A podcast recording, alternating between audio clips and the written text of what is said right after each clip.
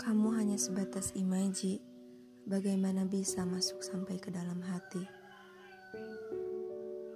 Katamu, aku hanyalah imajinasi yang paling menyenangkan untuk dilamunkan.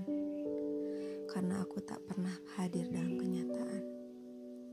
Lebih tepatnya, kamu menjadikanku sebuah ketidakmungkinan.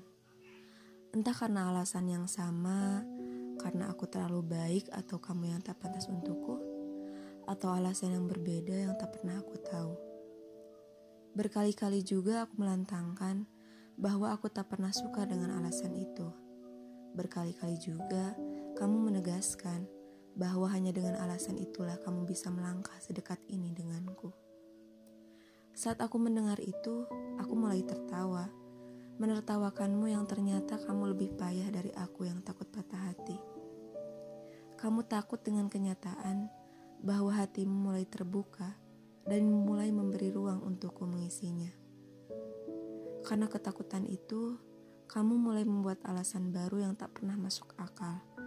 Kamu bilang sibuk, tak punya waktu, dan tak punya kuota, atau handphonemu selalu tertinggal. Kamu jadi pintar, pintar mengalihkan pembicaraan, atau meninggalkan suatu pembicaraan tanpa penyelesaian. Awalnya kamu tak mudah kutebak, tapi setelah kamu bersikap menghindar seperti itu, kamu jadi mudah ditebak. Lagi-lagi semesta membantuku, menunjukkan kepadaku bahwa kamu punya rasa yang sama, tapi tak bisa diceritakan bersama. Bagiku tak masalah jika akhirnya aku memutuskan untuk pergi, karena aku tahu bagaimana hatimu.